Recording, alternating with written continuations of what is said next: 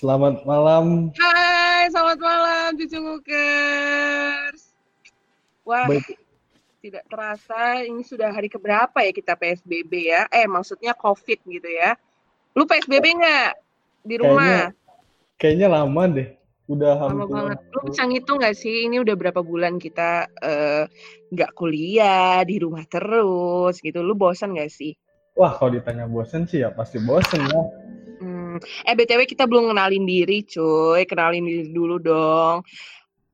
Dari lo dulu deh, apa gue? Lo dulu deh, lo dulu. Perkenalin, nama gue Buung Puyuh. Bung Puyuh, oke. Bung Puyuh di sini ditemanin sama gue, baby. Hai. Nah, Udah lama nih kita tidak eh, berdua, tidak eh, apa ya, bersapa-sapa dengan para cucu ngukers di luar sana yang gak Bung Puyuh. Bener banget. Bung Puyuh, gimana nih tugas-tugas lo udah semua selesai belum nih? Kayaknya pusing gak sih kuliah tapi online? Bukan lagi pusing. Apa tuh? Tugas, aduh tugas semakin ke sini kayaknya semakin berat gitu. Makin berat. Iya. Bukannya enak ya bisa sambil tiduran, bisa bisa sambil jalan-jalan gitu enggak ya?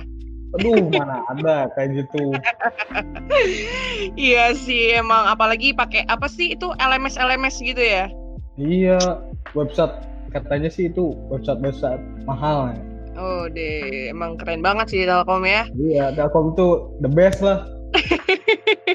The best beneran gak nih? Beneran kan? The best Oh, banget iya dong. Apalagi aduh, apalagi jurusan kita ya.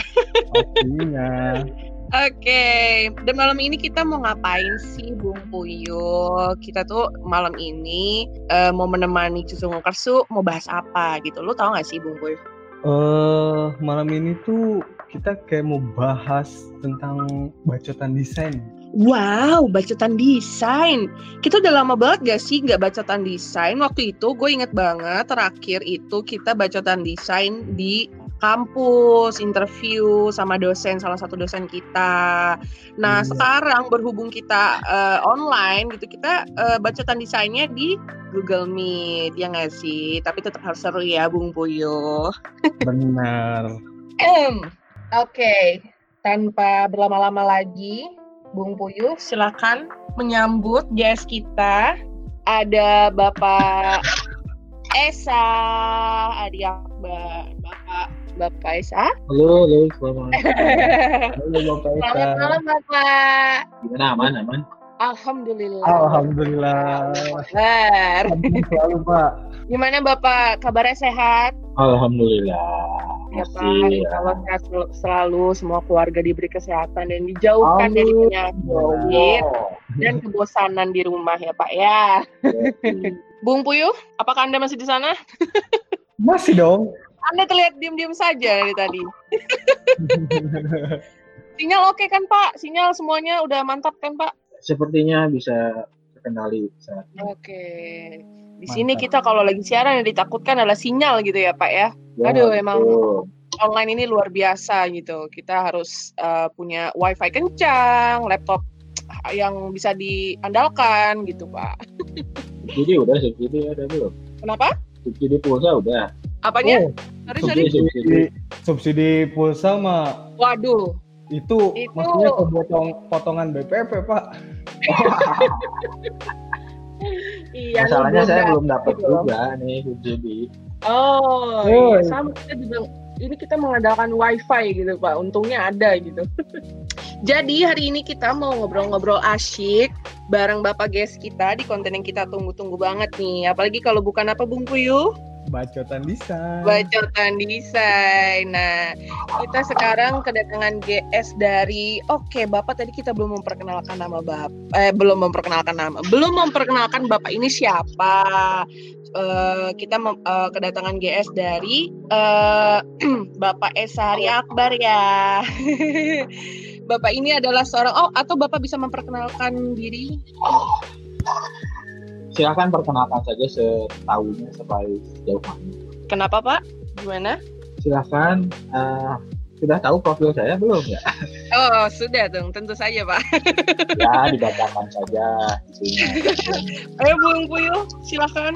aku nggak tahu profilnya Pak Esa belum pernah Halo. diajar Oh saya Bapak ngajar sinematografi kan Pak ya? Ya, kalau sekarang enggak kali ya, karena enggak ada ya. Oh saya waktu itu kayaknya pernah diajar Bapak. Oh berarti semester yang lalu ya. Iya semester lalu iya sinematografi. Iya jadi eh, Bapak Esa Akbar ini itu eh, sebentar saya buka dulu Instagramnya ya.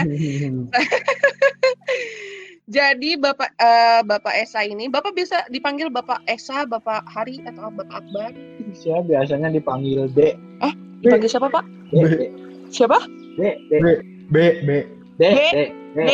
D. D. D Nah, Oke. Bapak Bapak D. D sangat Iya unik ya jadi kenapa? sangat unik sekali ya, jadi Iya. saya dipanggilnya Desa, saya dipanggilnya Desa aja. Oh. oh Oke, jadi Bapak eh, Desa ini Bapak ah, Bapak nama panjangnya aja Bapak. ya Pak ya? Gak usah pakai bapak, D aja, Desa. Oh, Desa. Iya, karena saya tinggal di desa sekarang, jadi panggilannya Desa. Waduh. oh Siap, Bapak. Iya. Desa mana Pak kalau boleh tahu? Ya kalau di Telkom kelihatan lah di balik eh, pegunungan yang di arah Oh, oke. itu Apakah ini eh, Cibiru? Bukan, bukan. bukan dong, itu Oh, bukan. kehalang bukit kalau gitu.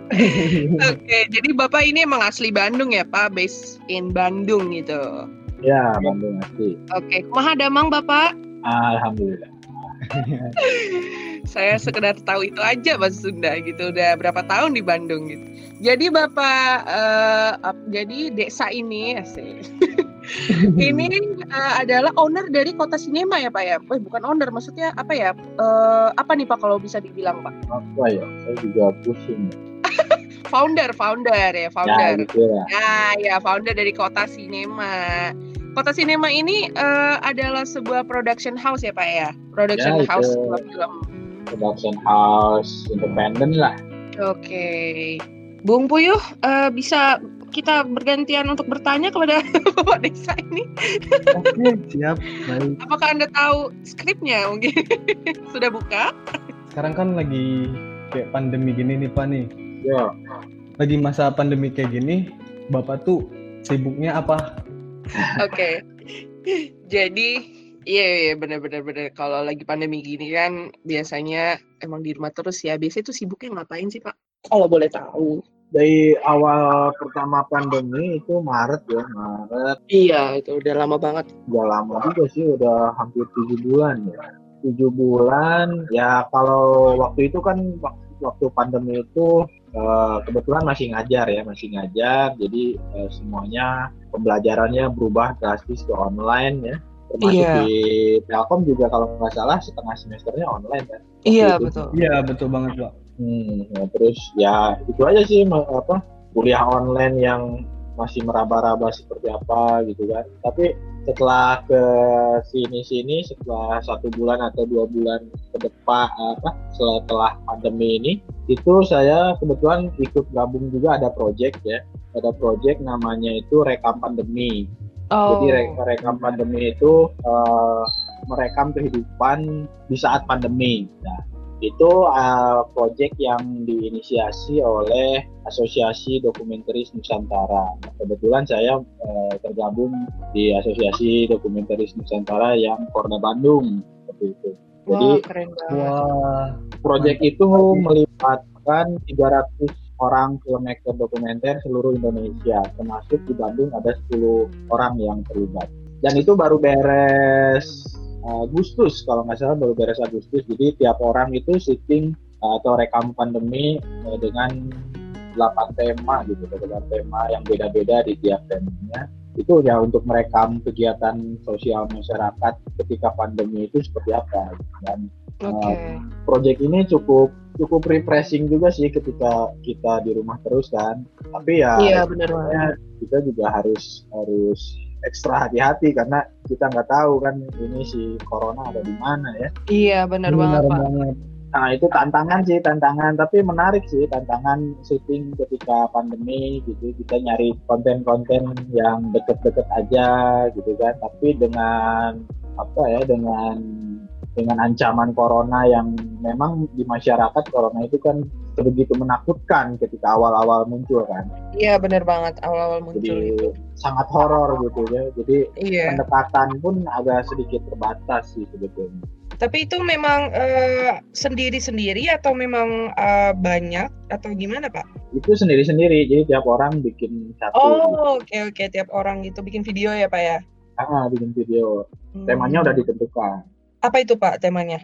Eh tema Tem- yang itu ya tadi kegiatan pandemi itu atau gimana? Ah, jadi tema pandemi itu Oh, eh, oke. ada delapan tema, tema yang kurang lebih temanya ada belajar di rumah, ada kegiatan Hmm. religi ketika pandemi, kegiatan kreativitas yang muncul ketika pandemi, terus ya banyak lah kurang lebih seperti itu tema-temanya.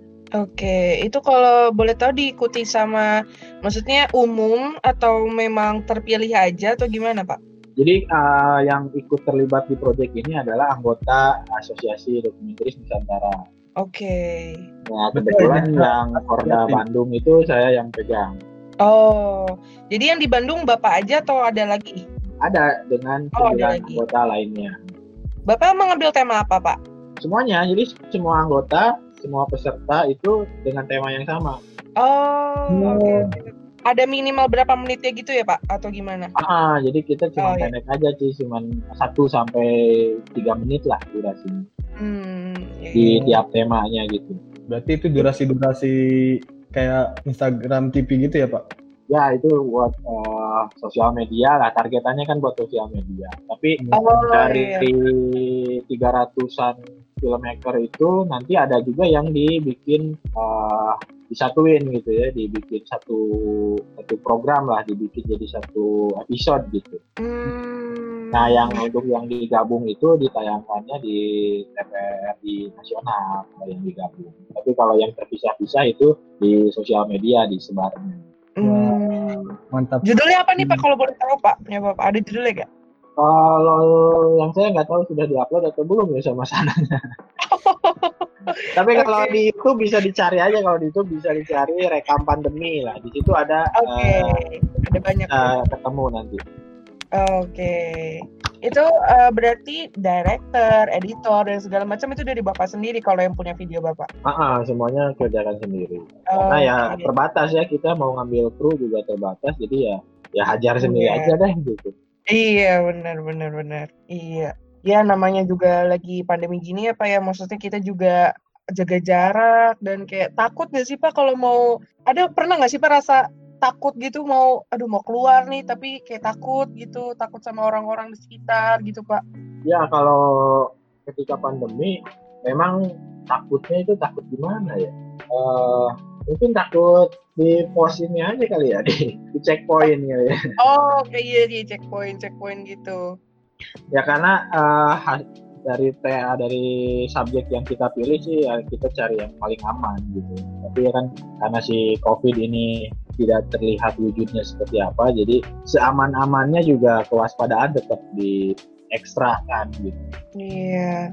Tapi namanya pekerja seni apa ya nggak peduli apa badai yang menghadang gitu ya bakal selalu ada kreativitas dan berkarya bener gak sih pak? Ya betul. Kalau memang kita hobinya seperti itu ya apa pun yang terjadi ya kita hajar aja, kita enjoy enjoy aja karena ya itu emang hobi kita.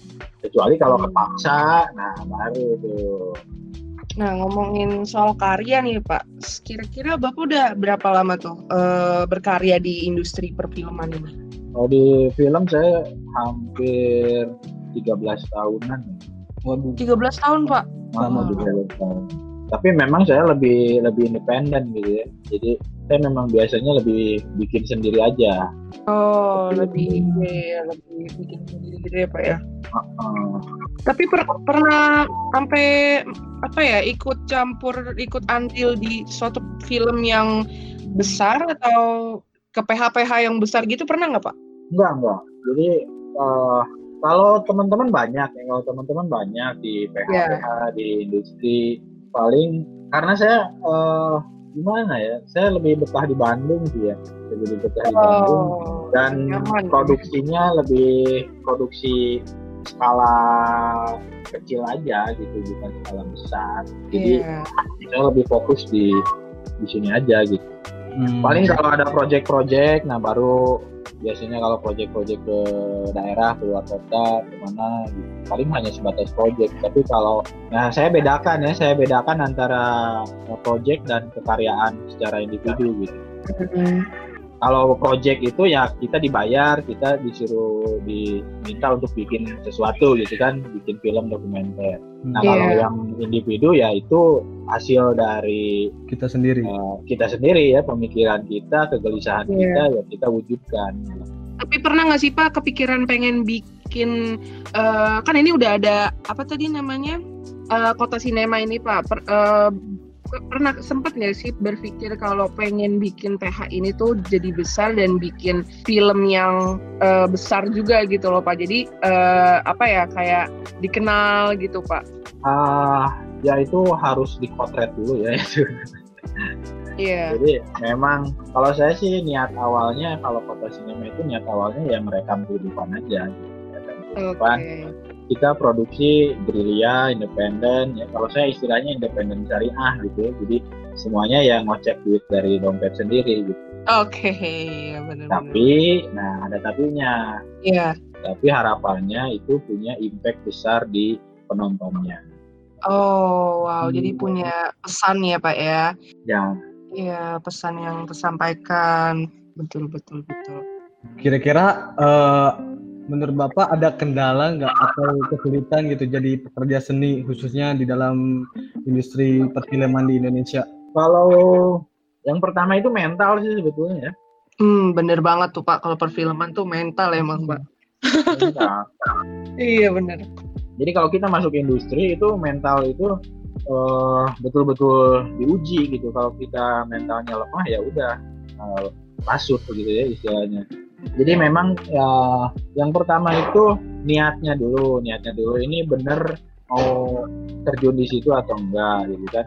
Karena Oke. kalau mau terjun di situ ya apa pun tantangan halangannya pasti kita hadapi tapi kalau eh, setengah-setengah ya pasti kita akan mundur teratur gitu kan Iya, betul. nah pilihannya kita harus baca karakter diri kita juga pilihannya kalau kita memang mau masuk di dunia industri ya kita harus punya karakter eh, tipe fighter ya tipe petarung bener Baru kita bisa Bener. bersaing. Tapi kalau seperti saya, saya tipenya bukan fighter, saya tipenya lebih ke independen gitu.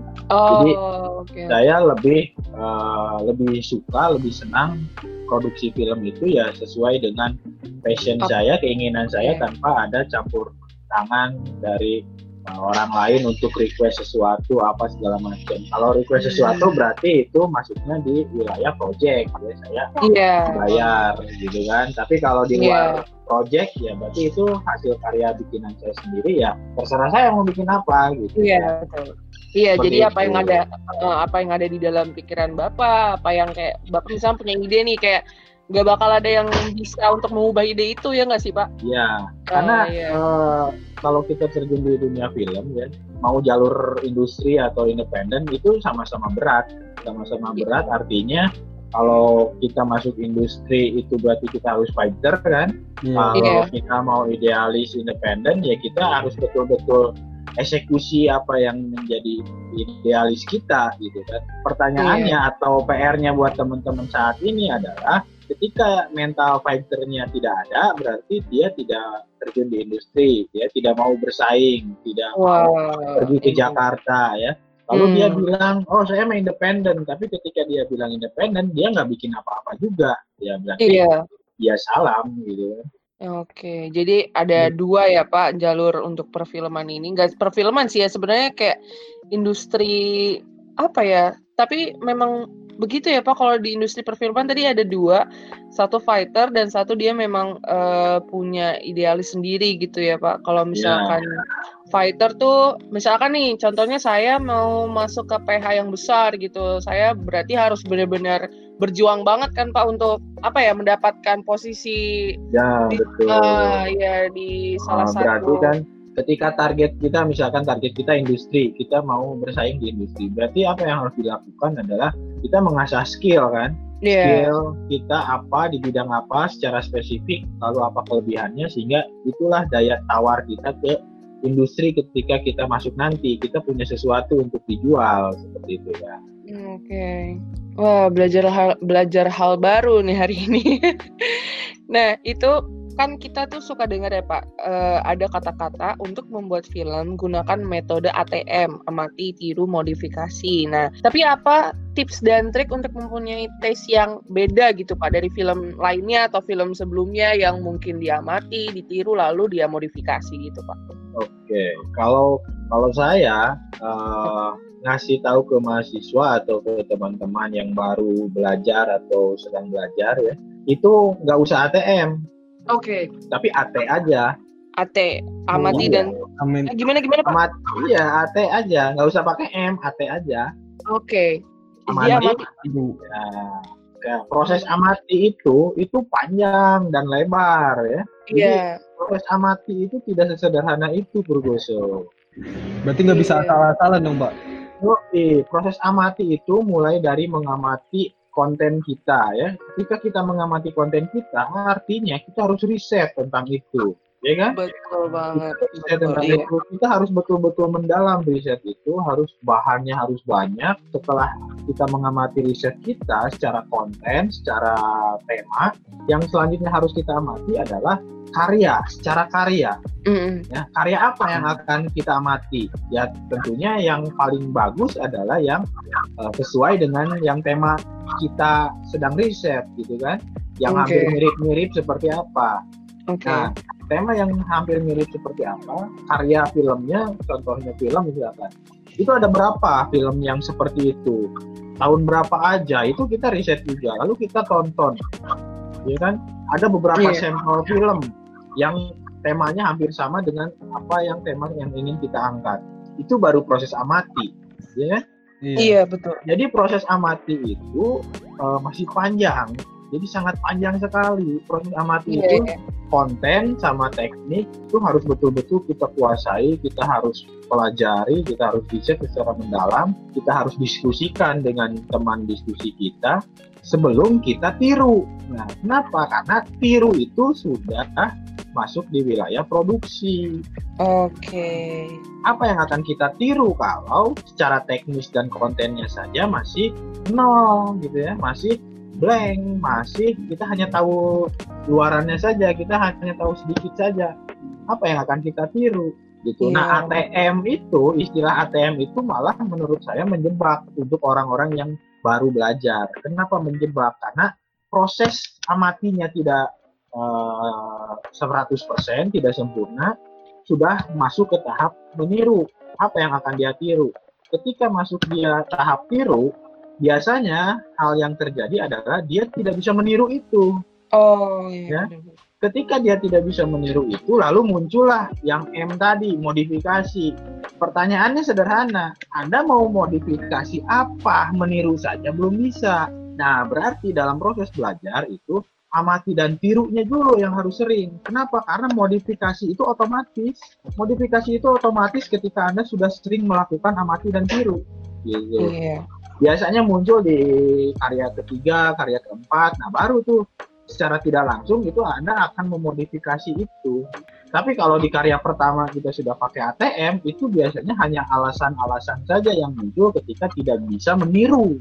Hmm, betul betul betul begitulah uh, pengalaman biasanya teman-teman ya teman-teman mahasiswa biasanya seperti itu jadi dia uh, visinya visinya udah jauh nih visinya jauh tapi misinya yang tidak terjalankan yaitu PR-nya kan misinya kan Iya. Untuk mengejar visi itu kan misinya ya harus benar. Nah, iya benar misinya. Kalau visi, kalau visi biasanya teman-teman udah jauh kalau visi ya. Kalau iya. visi biasanya udah jauh, tapi misinya itu misinya itu. Ya. ada susah menyelesaikan misi gitu. Padahal visi hmm. udah ada gitu. Benar banget. Nah, uh, kita kan sebagai orang yang mengamati perkembangan film di Indonesia, uh, menurut Bapak Indonesia tuh udah cukup berkembang atau belum dalam perfilman? Secara apa dulu nih? Pertanyaannya nih. gimana gimana Pak? Pertanyaannya gimana? Ulangi ya nih. Uh, kita kan sebagai orang yang turut mengamati perkembangan film di Indonesia nih. Menurut Bapak tuh uh, Indonesia tuh udah cukup berkembang baik atau uh, belum di dalam dunia perfilman itu? Jawabannya ada dua. Oke. Okay. Ada secara konten, ada secara teknis. Oh hmm. iya itu benar-benar. Konten nih Pak, gimana nih Pak? Konten. Iya. Yeah. Iya. Yeah. Konten Kalau tuh berarti termasuk isi cerita gitu ya Pak ya? Ya, kalau konten. Ya, ya, benar-benar. Saya kira kalau konten itu sudah cukup berkembang ya, sudah cukup berkembang. Itu bisa dilihat dari film-film Indonesia sekarang genrenya udah semakin variatif. Iya, betul sutradara, banget. Sutradara baru, terus uh, production-production yang berani itu genrenya udah macam-macam sekarang kan. Sudah berani yeah. keluar dari genre-genre umum lah gitu ya yang yeah. bisa kita yang aman gitu. Uh, genre-genre aman. Gitu. Jadi bahkan uh, luar luar Indonesia gitu ya, misalkan Hollywood atau apa pun lah di luar Indonesia itu banyak yang mencari konten ke kita gitu. Karena kita itu kan kaya budaya beragam suku bangsa dan lain sebagainya itu potensial banget untuk diangkat gitu dan itu yang dicari oleh orang luar di kita itu banyak mencari konten keindonesiaan atau ke Asia Tenggaraan itu banyak juga yang mencari konten di kita. Itu kan tadi konten Pak. Kalau untuk teknis nih kayaknya Nah, untuk teknis itu teknologi film kita itu tertinggalnya ya iya. hampir 20 tahun. Bener banget. Hmm. Jadi hampir 20 tahun kita tertinggal sama teknologi di luar. Kalau di luar itu ya udah 20 tahun ngapain aja kan udah jauh banget. Iya, iya benar banget. Contoh aja contoh gitu. Film-film fantasi kita, film-film yang pakai sci-fi gitu ya. Iya. Efek-efek gitu, ya kita masih kelihatan kasarnya lah istilahnya gitu. Benar, benar. Tapi kalau Hollywood kan udah bener-bener bening gitu ya. Wah, itu sih. Hmm. Tapi ada nggak Pak film yang menurut Bapak tuh ya sci-fi ada sci-fi nih Indonesia tapi yang kayak ah udahlah udah lumayan lah oke okay, gitu ada nggak Pak? Lumayan, ya banyak sih yang lumayan-lumayan tapi ya kalau dibandingkan dengan Hollywood masih jauh sebetulnya ya tapi dari keberanian untuk membuat itu dan ternyata dihargai di luar ya bahkan ada yang masuk festival seperti yeah. Gundala misalkan ya Gundala Putra Petir itu kan yang Joko yeah. Anwar itu itu film superhero yang masuk di festival bergengsi itu agak membanggakan juga gitu meskipun dari secara teknis efek-efeknya gitu ya masih ada banyak keterbatasan lah. Iya masih terlihat hmm. lah ya belum. Ah, masih terlihat. Hmm. Tapi capaiannya patut diapresiasi dan itu iya, benar banget penanda juga untuk kebangkitan film superhero kita Indonesia. Iya. Tapi dari segi cerita Gundala itu jadi bahas Gundala. Itu ini ya maksudnya Indonesia punya apa ya kalau di superhero kayak Avenger atau DC itu kan mereka uh, apa ya yaitu uh, permasalahan negara mereka gitu. Kalau di Indonesia nih ciri khas banget ya Pak, maksudnya memiliki apa ya uh, ciri khas sendiri gitu loh. Jadi Indonesia itu maksudnya superhero-nya nih nggak niruin cerita dari luar gitu ya nggak sih Pak? Kayak misalnya kemarin buru-buru di Gundala itu kan kayak buru-buru gitu kan Pak? Ah, iya, ya, kita, uh, kita punya kekuatan di situ. Kita ya, iya, betul. keragaman kita banyak banget. Iya, betul. Kalau kita perhatiin film-film Hollywood yang superhero superhero itu ya ceritanya udah ketebak juga kan pasti iya, benar. kali ke sana lagi ke sana lagi gitu. Iya. Kalau kita masih banyak banyak yang bisa digali lah potensinya masih banyak. Iya, benar banget. Apalagi kayak cerita-cerita apa ya, cerita-cerita rakyat gitu ya, Pak ya. Kayak hmm. apa tuh yang mau diangkat uh, si si but si buta dari gua hantu kayak gitu-gitu. Ya, si buta dari gua hantu. Iya, itu apa ya? Indonesia tuh banyak sebenarnya cerita-cerita konten yang bisa eh cerita yang bisa dibuat konten film yang bakal orang luar tuh ngeliatnya kayak wah ini apa ya budayanya ini banget kuat banget gitu ya tinggal teknisnya aja ya pak ya sebenarnya ya teknisnya mungkin ya tidak lepas dari peran pemerintah mungkin ya karena ah itu dia harus harus ada rombongan uh, tim dari Indonesia yang belajar langsung ke negara asalnya. Betul betul. ini sebagai orang yang udah turut Oke, saya salah baca. Oke, menurut Bapak nih, eh, masih banyak nggak sih, oh ini tadi sebenarnya udah terjawab ya, masih banyak nggak sih yang perlu dibenahi dari perfilman di Indonesia ya, detail-detailnya aja mungkin, entah itu pemerannya, actingnya, atau segala macam itu masih ada nggak sih Pak menurut Bapak yang harus Indonesia tuh kayaknya, ah udahlah jangan kayak gitu lagi, atau diubah lah kayak gitu, itu gimana Pak? Kalau wilayah itu sih lebih ke wilayah uh, profesinya masing-masing ya. Karena okay. di dalam sebuah film itu hampir ada seratusan lebih profesi iya. yang masuk atau terlibat di dalamnya. Jadi itu kita ngomong personal tentang profesinya saja gitu ya. Apa yang perlu ditingkatkan di tiap-tiap profesinya. Mm -mm. itu. Kalau secara kesatuan film ya kita sedang merangkap uh, menuju go internasional gitu kan. Tapi saya punya ini nih Pak, punya statement yang apa ya meresahkan diri saya gitu uh, dengan perfilman Indonesia ini. Seperti kayak contohnya kayak kenapa di Indonesia itu uh, ini uh, saya sharing aja ya Pak ya.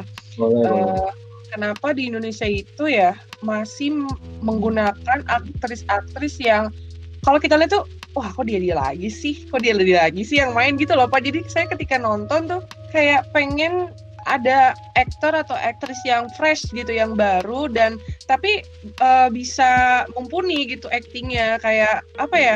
Misalkan kayak Dilan atau gimana gimana itu Iqbal lagi Iqbal lagi atau enggak? Siapa tuh yang suka yang main di Habibi itu saya lupa namanya siapa. Itulah ya. pokoknya. Kenapa? Ya Reza Rahadian dia lagi dia lagi atau Adipati Doken kayak gitu-gitu. Itu apa ya? Maksudnya kenapa Indonesia tuh main di uh, apa ya? Suatu peran yang apa ya? Mem, nyama yang aman gitu loh. Jadi kayak orang tuh ngelihatnya uh, apa ya?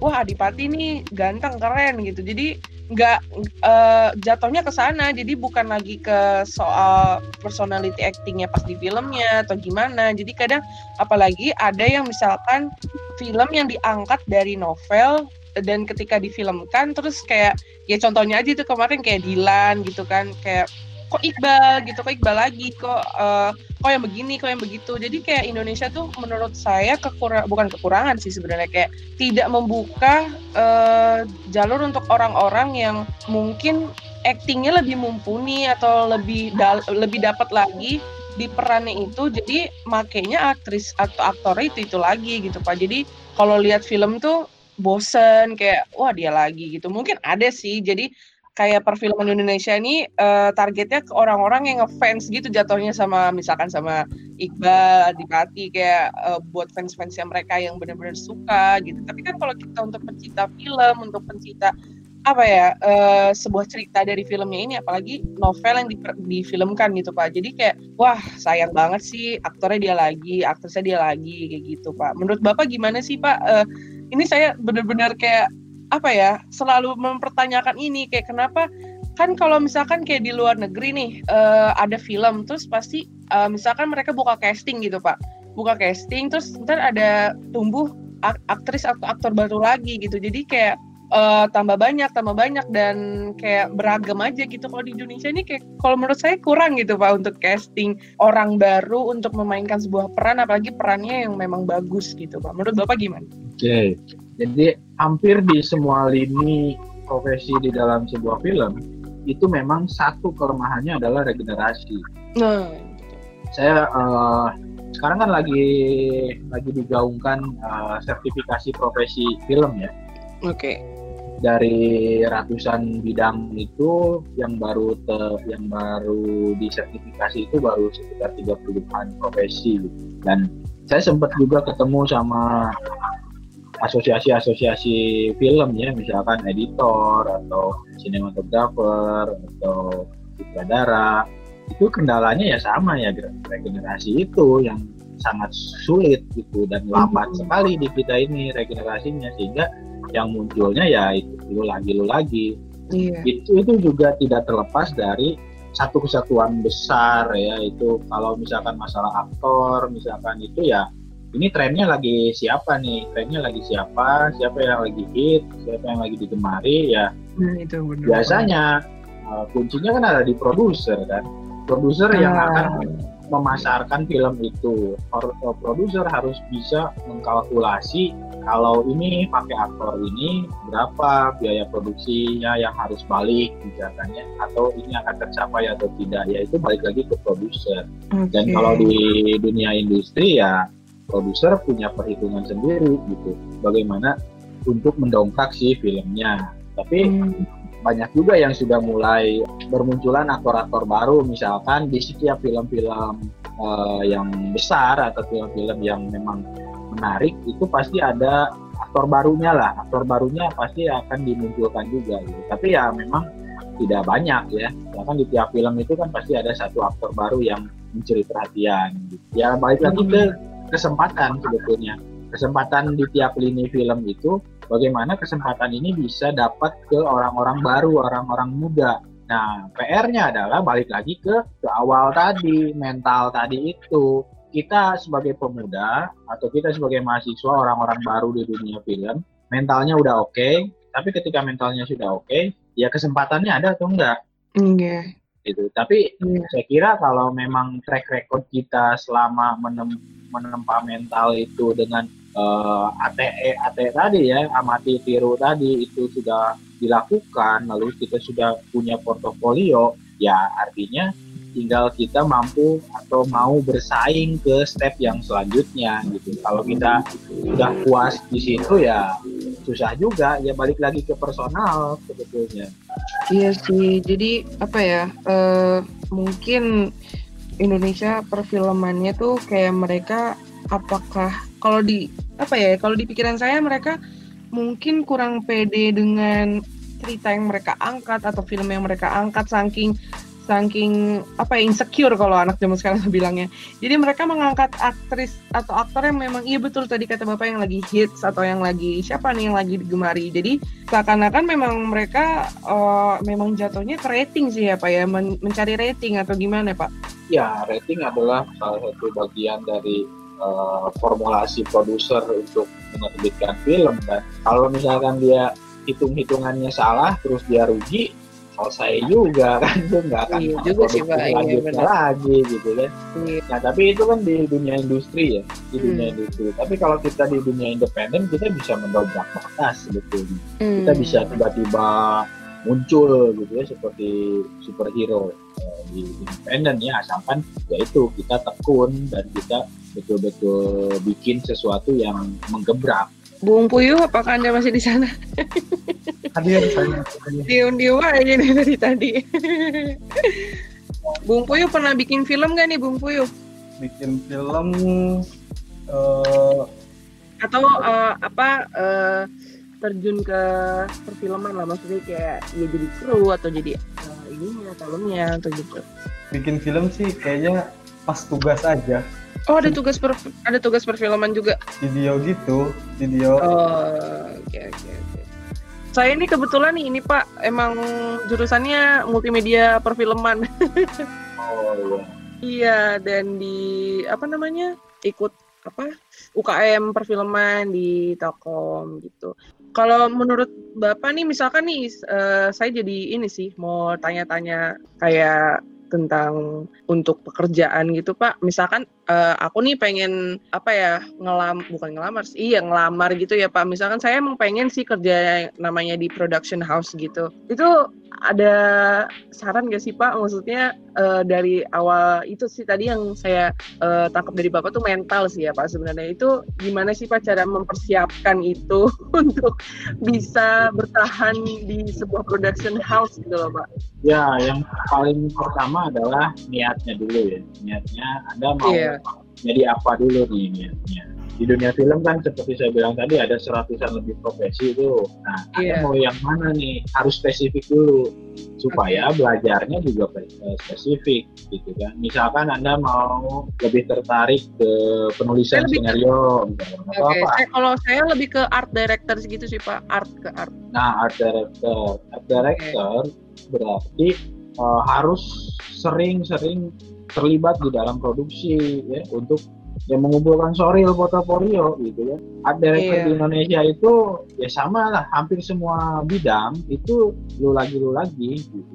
Belum Hmm. ada orang baru yang betul-betul bisa muncul gitu. Contoh saya kasih contoh. Untuk setting-setting uh, zaman dahulu jadul. Itu pasti Iya. art directornya Alan lagi Alan lagi iya gitu kan Alan Sebastian. Itu pasti Alan Sebastian yang jadi art director. Terus eh, di hampir semua bidang hampir semua bidang di film itu pasti seperti itu. Ya karena entah entah kesempatan itu tidak muncul atau memang anda tidak mau tidak mau merangkak dari bawah gitu ya. Merangkak dari bawah artinya pertama ya anda harus banyak portofolio yang kedua di dalam tiap departemen di dalam film itu kan ada depar di tiap departemen itu ada banyak juga bidangnya ada bercabang lagi kan Hmm. turunan-turunannya itu bercabang lagi. Iya, nah, mau ada. nggak anda tar dari mulai bidang Dari paling bawah gitu. Nah, biasanya kita, aduh karena saya sekolah film misalkan ya, jadi saya pinginnya langsung jadi art director, ya susah juga gitu kan. Iya. Jadi Bahkan- kayak misalkan saya harus bawa-bawa lakban dulu, harus harus nolong-nolongin. Iya bener banget ya, tahu banget saya Pak. Pengalaman gitu ya. Jadi di tangan saya tuh banyak lakban, ntar eh lakban-lakban atau apa gitu. Biasanya art director kayak gitu tuh Pak. Jadi memang harus iya sih harus dari bawah ya, harus mau dulu disuruh-suruh dan segala macam. Biasanya kalau di filman gitu. Ah, karena kalau di profesi film itu ada tingkatan-tingkatannya ya kan? Tiap departemen itu step paling bawah apa dulu? Terus naik tingkatnya ke mana? Naik tingkatnya ke mana? Naik tingkatnya ke mana? Seperti itu. Hmm, oke oke. Bener-bener bener. Boleh dong Pak sharing sedikit tentang kota sinema. ya kalau kota sinema Wah, sih iya. Saya Oh. lebih lebih personal sih ya lebih personal lebih pribadi karena eh, kota sinema ya tempat saya eksplorasi aja sebetulnya saya ngeluarin film terus nggak ada siapa yang mengeluarkannya gitu kan ya makanya saya bikin kota sinema pertama itu jadi dari dulu itu saya bikin film ya pakai namanya kota sinema aja Oh. Nah, karya-karyanya juga ya karya-karya belajar lah kalau misalkan anda nih mahasiswa bikin karya bagus nah di balik karya bagus itu kan ada karya-karya yang tidak bagus toh Iya. Iya. di kota sinema juga banyak seperti itu ya banyak karya-karya kota sinema yang di awal-awal muncul itu ya ketika saya nonton sekarang itu menggelikan juga banyak Hmm. seperti itu. Tapi ya itu tidak apa-apa, itu bagian dari proses. Tidak akan ada film bagus kalau kita belum pernah bikin film jelek. Film jelek itu bah itu dari proses eksplorasi kita. Gitu. Bahkan banyak juga film saya yang nggak jadi-jadi ya.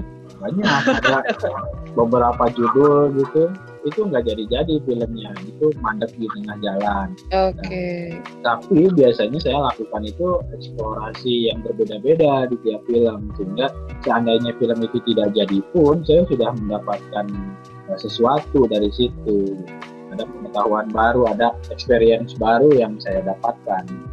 Berarti itu tadi termasuk ini ya Pak. Tadi sebenarnya saya mau bertanya ini sih latar belakang dibentuknya kota sinema production house ini apa gitu kira-kira. Berarti tadi ya Pak sudah terjawab mungkin. Ah, jadi untuk media ekspresi saya aja sebetulnya saya juga Oke. ya sama juga saya juga pinginnya ya regenerasi ya regenerasi tapi memang eh, regenerasi itu susah banget regenerasi susah banget katakanlah seperti ini sekarang anda misalkan sekarang eh, fashionnya film terus ya sudah fashion banget lah dengan film apa yang anda lakukan pasti anda akan bikin kelompok sendiri kan Iya. Nah, itu selesai. Tiap orang itu pasti punya keinginan menggunakan nama sendiri, kelompok sendiri, seperti itu. Hmm. Sehingga di kita itu banyak kelompok-kelompok yang seperti itu, tapi stagnan, gitu. Nggak maju. Hmm. Ya karena kebanyakan banget, banyak banget. gitu. Iya. Kalau saya zaman dulu ya biasanya saya ngikut-ngikut dulu kan, ngikut-ngikut, ngikut-ngikut, baru saya bikin eh, sendiri yang untuk eksplorasi sendiri. Nah zaman sekarang ya inginnya itu instan gitu, maksudnya instan ya ingin muncul dengan nama sendiri langsung. Gitu. Ketika ingin muncul dengan nama sendiri langsung, pertanyaannya adalah proses belajarnya sudah mencelok di mana saja Iya. gitu kan ketika kita mencelok di orang lain itu proses belajar yang sangat besar banget gitu buat perkembangan kita karena kita punya pengetahuan baru dari orang yang kita ikuti. Sekarang kita tidak melakukan proses itu, kita hanya munculin egoisme kita saja untuk saya muncul dengan nama saya sendiri ya susah pasti akan stagnan. Betul betul betul. Nah makanya proses belajar itu panjang proses belajar itu panjang. Yang paling gampang itu ya anda carilah production yang atau kelompok siapa yang memang dia produksinya uh, lumayan gitu ya. Nah, anda gabunglah ke sana, Anda belajar di sana. Di sana itu seperti hmm. apa. Lalu yeah. Anda cari lagi kelompok yang lain terus gitu. Jadi Anda banyak pengetahuan gitu kan. Setelah itu dilakukan, baru Anda mau berdiri berdikari lah istilahnya ya silakan silakan saja. Gitu. Tapi minimalnya secara keilmuan, secara pengalamannya udah dapat dulu gitu. Oke hmm, oke. Okay, okay. Ini berarti uh, kota sinema ini udah dari tahun berapa Pak? Itu dari 2008. Waduh, oh. lama banget. Oh, Tapi ya. dulu berarti belum pakai Instagram kan ya Pak? 2008 itu? Belum. Berarti, tapi udah ada nama gitu ya Pak? Sudah. Karena 2008 juga kan saya udah bikin film, jadi udah pakai kota sinema. Makin, uh, iya, makin nama kota sinema. Tapi kalau di sosial medianya ini berarti udah dari tahun berapa tuh Pak? Tahun berapa ya? Ketika muncul Instagram aja kali ya. Oh oke okay, oke okay, oke. Okay. Iya berarti benar-benar uh, bikin apa ya film indi, uh, independen ini udah dari 2008 ya Pak? Ah dari 2008 saya setia It, di jalur ini. Itu pas masih kuliah atau memang udah lulus atau gimana Pak? Ya masih kuliah. Oh masih kuliah, iya. Iya, banyak sih pak. Maksudnya anak di kafe Telkom yang memang eh, perfilman mereka bikin production sendiri akhirnya kan. Jadi kayak awalnya karena TA atau apa. Saya juga sebenarnya ada sih kemarin gara apa karena tugas itu ya sama Pak Zaini. Itu uh, bikin Instagram dan uh, karena itu Pak kemarin karena COVID jadi saya nggak jadi syuting gitu Pak. Jadi mengumpulkannya hanya dengan berupa storyboard doang. Jadi ya sayang banget itu. itu padahal Instagramnya udah ada, udah reading segala macam, tapi gara-gara pulang disuruh pulang dari dari kawasan Bandung, udah akhirnya nggak jadi nggak jadi syuting gitu. Oh, itu ya COVID itu ya efeknya iya. semua terkena.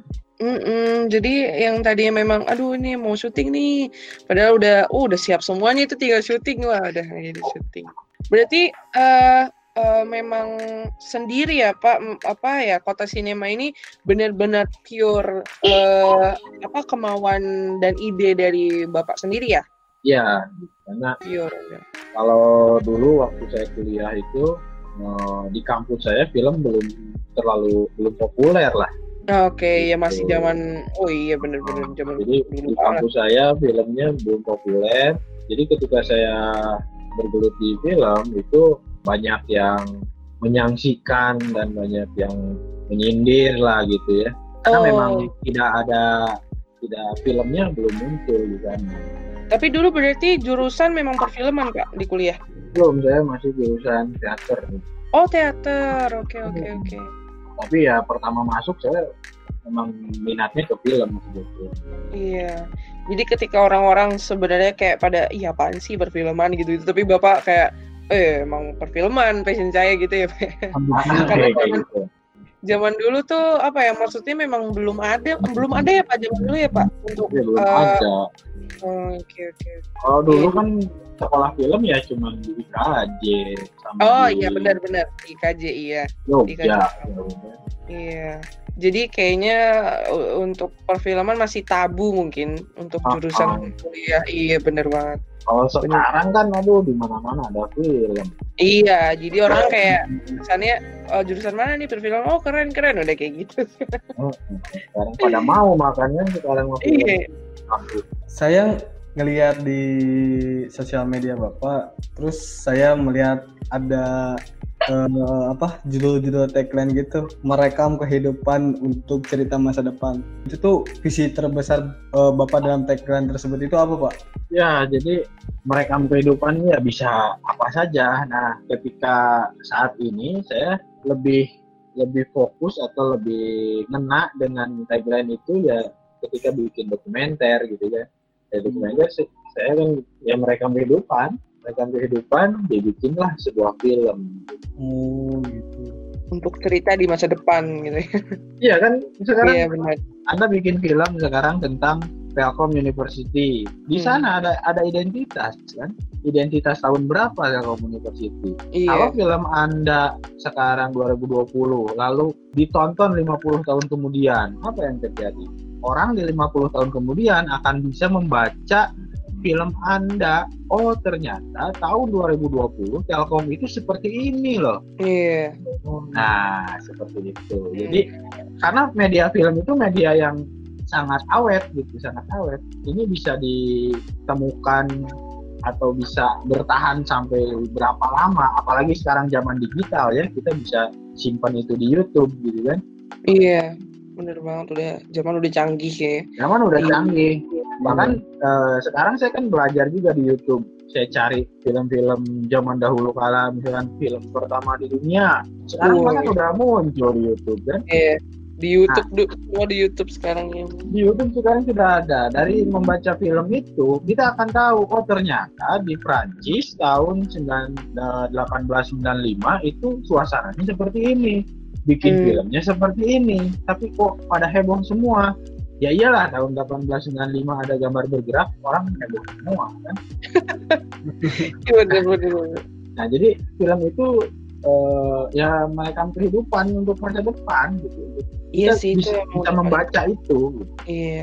Iya sih itu itu tagline yang benar-benar tepat banget sih maksudnya kayak ya memang orang semua eh, mendokumentasikan apa yang terjadi sekarang pasti iya disimpan untuk masa depan ketika ya anak cucu melihat atau orang-orang di masa depan kayak oh ini zaman dulu begini ya film buatnya atau apa namanya eh, sci-fi-nya seperti ini dan segala macam atau dokumenter kayak gitu ya. Iya bener bener. Saya setuju dengan tagline bapak.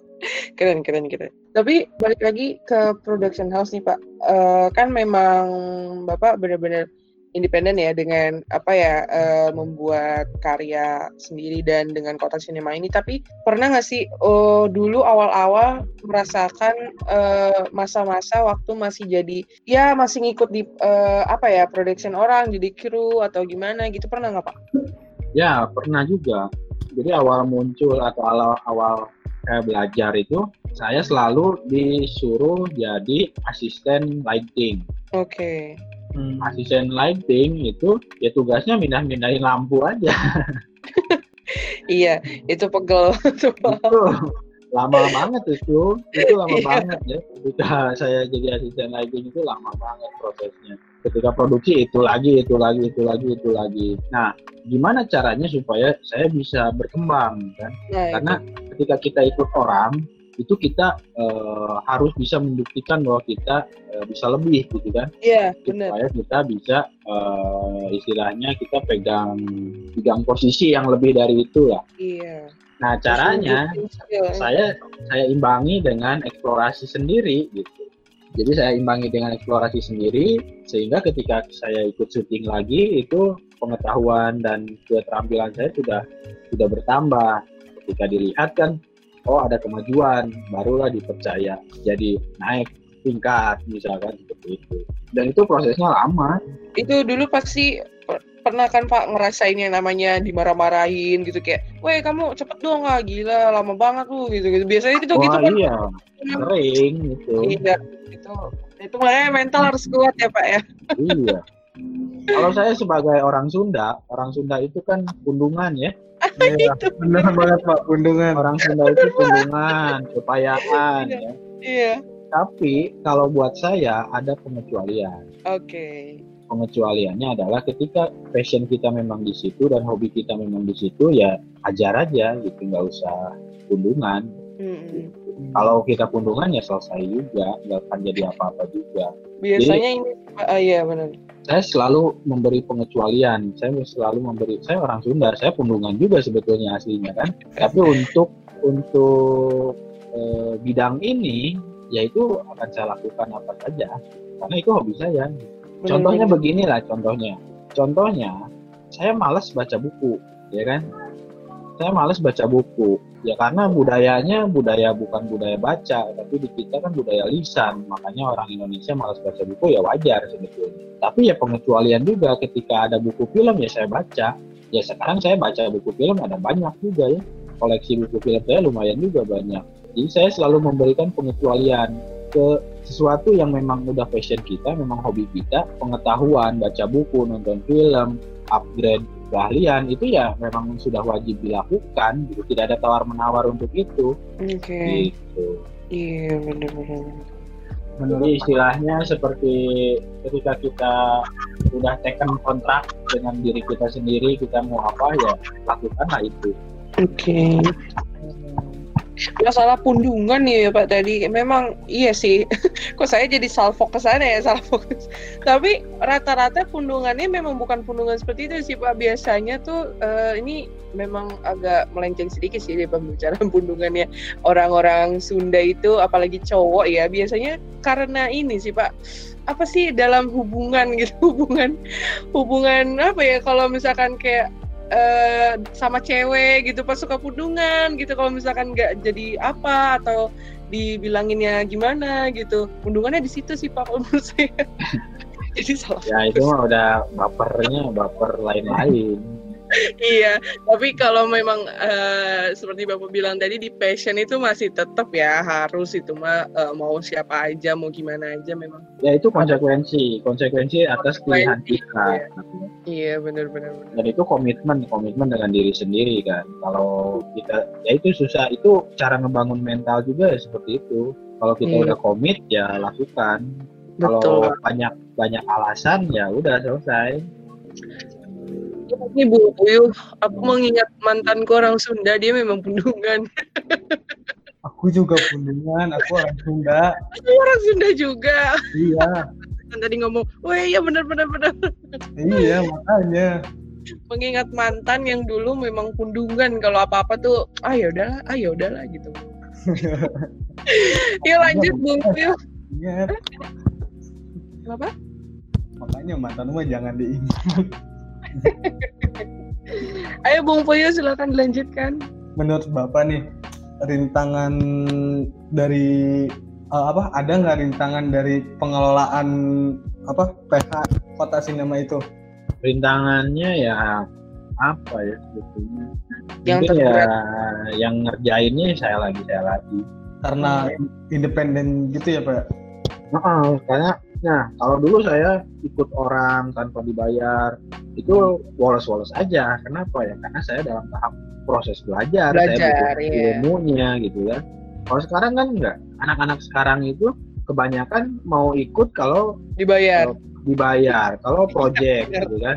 Benar, benar, Pertanyaannya adalah kalau ini project, kalau ini dibayar, ya ngapain saya ngajak Anda gitu kan? Iya. ya udah saya kasih ke profesional aja dan selesai. Bener banget. Iya iya bener bener juga sih. Bener juga sih. Iya ngapain kita minta dibayar kalau kita belum profesional? Ya bener iya makanya saya ngajak itu kan untuk anda proses belajar. Saya juga belajar bersama pada akhirnya. Gitu kan. Iya. Berarti bapak nggak ada keinginan gitu buat ngambil tag gitu atau ngambil kru-kru biar jadi atau asistennya bapak atau apa gitu? Ada juga. Di tiap produksi pasti ada juga yang ikut, ada juga yang saya ajak gitu. Ada yang mau, ada yang enggak. Nah, untuk yang mau ya kita belajar bersama, kita eksplorasi bareng. Hmm, jadi ketika ketika produksi tuh maksudnya memang kayak uh, apa ya? Kan biasanya kalau PH tuh mungkin memang ada yang uh, kru-krunya pasti uh, kayak memang mereka dibayar terus segala macam. Tapi kalau misalkan ini misalkan buat proyekan nih sama kota sinema uh, itu tuh mereka memang belajar bareng-bareng atau ada yang mungkin uh, kayak tadi kayak PH besar gitu pak. Kayak mungkin apa pada akhirnya kita semua membayar kru-krunya gitu ya kalau misalkan memang ada uangnya itu ya bisa saya kasih. Tapi kalau memang tidak ada ya enggak juga gitu kan jadi baik lagi ke apa yang mau digarap sebetulnya kalau yang digarapnya okay. memang independen ya nggak ada bayar membayar di situ kan. Tapi kalau memang ada project itu pasti ada bayarannya. Oh iya iya. Berarti ketika membuat suatu produksi film itu memang pure dari anggaran anggaran itu dari bapak sendiri atau memang bareng-bareng atau gimana pak? Ya, kebanyakan saya sendiri. Oh oke oke oke oke. Lumayan itu. Kalau film Iya iya iya. Jadi uh, tapi pernah Pak maksudnya menerima kayak uh, mahasiswa untuk belajar bareng, eh belajar bareng, belajar untuk produksi di uh, apa kota sinema ini? Iya, waktu sering dulu sering. Jadi tiap saya selalu bikin produksi di luar perkuliahan. Jadi di luar yeah. perkuliahan saya bikin produksi sendiri dengan mahasiswa kayak gitu sering dulu. Jadi prosesnya belajar bersama di luar perkuliahan. Kalau di kuliahan kan kita terbatas ya maksudnya terbatas ya targetannya sudah jelas arahnya ke sana ya harus itu yang jadi goalnya. Tapi kalau mau eksplorasi lebih ya kita bikin sendiri aja di luar perkuliahan. Kalau mahasiswanya mau ya ayo kita bikin. Gitu. Tapi dalam apa ya berarti dari tahun berapa? 2008 ya membuat produksi production house kota sinema ini. Pernah nggak sih ada di titik terendah gitu kayak sebelum di posisi sekarang gitu? Kayak titik terendah kayak aduh males bikin film atau gimana gitu. Ya jadi bikin film itu memang eh, susah-susah gampang sih ya. Iya. saya belajar film juga banyaknya otodidak. Saya banyak belajar dari workshop ke workshop. Jadi kalau saya nggak belajar dari workshop ke workshop ya saya mungkin nggak bisa juga bikin film. Atau bikin filmnya ya akan stagnan di situ-situ aja. Karena ya pengetahuan itu menjadi penting. Pengetahuan itu sangat penting gitu. Kalau saya kekeh dengan saya sendiri ya berarti sulit untuk berkembang makanya saya selalu haus akan ilmu saya selalu ikut workshop saya selalu ikut pitching pitching kalau zaman dulu ya saya sering ketika proses belajar itu nah keuntungannya selain mengasah mental saya juga mengasah pengetahuan. Biasanya di endingnya itu kalau kita rajin gitu ada yang ngasih duit buat biaya produksi. Saya kemarin-kemarin tuh sempat melihat salah satu film dokumenter garapan Pak Esa nih yang berjudul Sihung. Oh iya, iya. Mana nontonnya? Baru nonton trailer, trailer kan, trailer itu. Tapi itu bisa eksis di Taiwan International Documentary Festival. Boleh tahu nggak nih Pak, uh, kenapa untuk mengangkat topik permainan tradisional? Kan Indonesia tuh nggak cuma tradisional Sunda aja, uh, hmm. ada yang dari Aceh, ada yang dari Batak, ada yang dari Bugis, yang lain-lainnya lah. Ya, jadi kenapa saya bikin film tentang permainan tradisional Sunda ya. Hmm. Yang pertama karena saya orang Sunda. Iya itu sih. ya kan? iya nah, sih benar. Saya untuk juga budaya lain ya silakan bikin film sesuai budayanya. Karena ketika kita memang orang terlahir di situ pasti kita lebih mengetahui ya orang-orang di sekitar nah, kita, gitu. gitu. Jadi uh, terlepas dari proyek ya, kalau proyek saya bikin di Manado, di Aceh juga pernah juga. Oh pernah sampai keluar kota gitu pak? Nah, tapi project, konteksnya project. Oh project, iya. iya. Nah, kalau project ya udah ya keliling Indonesia udah pernah juga kalau project. Ya. Oh, Tapi kalau untuk yang saya biaya sendiri ya saya cari biasanya konten-konten yang dekat aja, konten-konten yang dekat di lingkungan saya aja supaya apa? Supaya yang pertama budgetnya tidak terlalu besar, yang kedua kita menguasai lingkungan, yang ketiga intensitasnya kita bisa dapat juga. Hmm, betul betul. Karena kalau dokumenter kan intensitasnya harus lumayan, kalau enggak ya filmnya nggak nggak nyampe mana-mana gitu. Hmm. Itu saya tadi uh, memang baru lihat sih trailer Sihung itu. Kalau boleh tahu, Sihung itu apa ya Pak artinya itu sihung itu? Sihung itu artinya tari. Oh tari. Hmm. Oh. Itu bahasa Sunda? Bahasa Sunda, bahasa Sundanya sihung. Oh. Saya sih mau baru lihat trailernya sih Pak. Itu itu film dokumenter ya jatuhnya ya Pak? Iya dokumenter. Oke, itu memang ada ya. Maksudnya di di apa ya eh, tradisional Sunda gitu ya Pak. Jadi tentang apa sih itu Pak yang apa apa kayak adu domba anjing atau gimana Mas? Saya kurang Iya, tadi. itu pertarungan antara anjing Ya, dan babi, hutan. Oh, oke oke. Itu masih ada Pak sampai sekarang? Masih masih ada. Oh. Jadi eh, apa ya? Itu berdasarkan kisah nyata berarti ya Pak di yang orang-orang yang ada di dalam film itu. Heeh, kalau dokumenter ya Iya benar. kisah nyata dan memang masih terjadi. Oke oke oke. Itu berarti apa namanya? Permainan itu nggak ini kan Pak soalnya tadi saya pas ngeliat tuh kayak wah apa ini kayak apakah ini diperbolehkan atau tidak gitu itu itu memang sebuah eh, budaya Sunda yang memang orang kayak oh iya memang seperti itu gitu. Saya pikir tadi kayak oh anjing di di apa di apa sih disuruh berkelahi atau gimana saling menyakiti atau gimana itu nggak nggak kayak gitu kan Pak atau gimana Pak? Saya kurang paham. Nah itu ceritanya panjang. Kalau kita Oh. kayak kaitin dengan budaya ya memang adu bagong ini erat kaitannya dengan budaya eh, ladang. Gitu. ya. Hmm. Kenapa budaya ladang? Karena sejarahnya petani itu atau yang berladang itu kalau ke ladang, kalau di hutan-hutan, di bukit-bukit itu pasti diserang di hutan gitu. Entah itu orangnya ataupun tanamannya itu biasanya dihancurin sama babi hutan. Hmm. Sehingga orang zaman dulu kalau pergi ke ladang selalu bawa anjing untuk Oh. menjaga supaya tidak diserang babi hutan. Kalau ada babi hutan pun nanti anjingnya yang akan maju duluan gitu kan. Iya. Oh. Nah. iya. Tapi kan ternyata anjing itu takut juga sama babi. Oh gitu. Iya iya.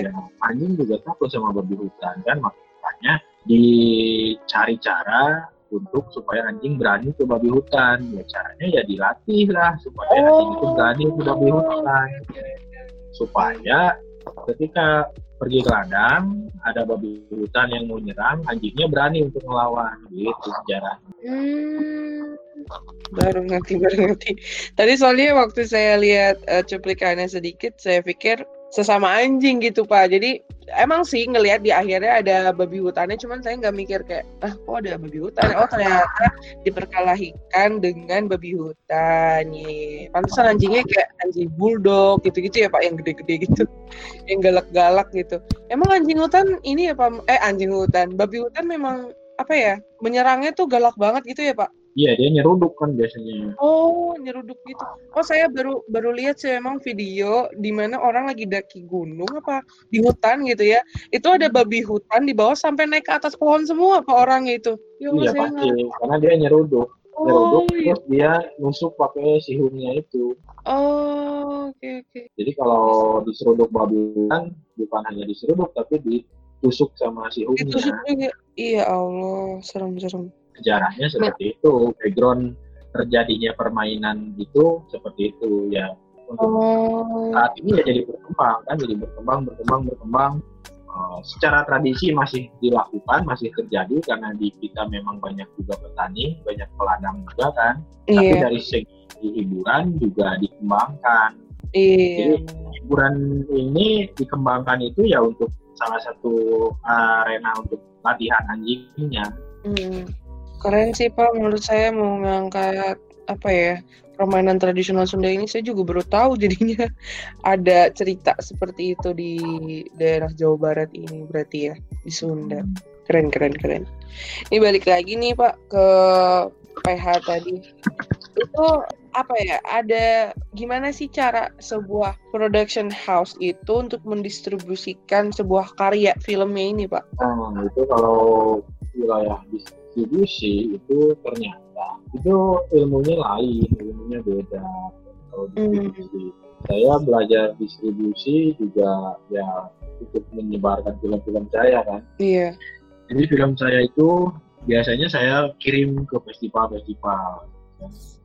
Entah itu festival apalah ya saya kirim-kirimin aja gitu. Hampir setiap satu film saya itu saya kirimin ke puluhan festival. Iya. Entah itu nyangkut ya. atau enggak gitu kan. Iya, yang yang penting udah yang penting saya kirim-kirim aja deh bener-bener gitu. Nah, tapi dari situ kan akan ketahuan karena kita akan tahu film kita diakui, dihargai itu ketika film itu masuk di festival. Hmm. Oh, ternyata film kita diperhitungkan di festival ini. Tapi di festival itu enggak. Ya tidak masalah karena tiap festival itu punya karakteristiknya sendiri, punya visinya sendiri, punya programmernya sendiri, punya kuratornya sendiri yang mencari film memang sesuai tema yang dibutuhkan oleh festivalnya gitu. Jadi jangan patah semangat ketika film kita ditolak festival. Mungkin filmnya tidak masuk dengan temanya. Gitu. ya hmm. terus aja kita kirimin. Tuh Bung Puyu dengerin biasanya kita kirim ke satu festival atau dua festival terus ditolak yeah. udah langsung minder kan iya yeah. langsung simpan aja di harddisk pundung pak iya pundung itu tadi pundung. balik lagi ke pundung jadi sebar aja kirim ke sebanyak mungkin gitu yeah, agar yeah. kita tahu benar, ini film benar. cocoknya dengan apa karena di festival itu banyak uh, banyak pengetahuan yang bisa kita dapatkan kalau kita filmnya masuk misalkan ya atau tidak tidak masuk sekalipun kita datang ke festival itu kan di festival itu kumpulan orang-orang film dari berbagai macam kalangan dari berbagai macam genre gitu kita akan yeah. banyak di situ.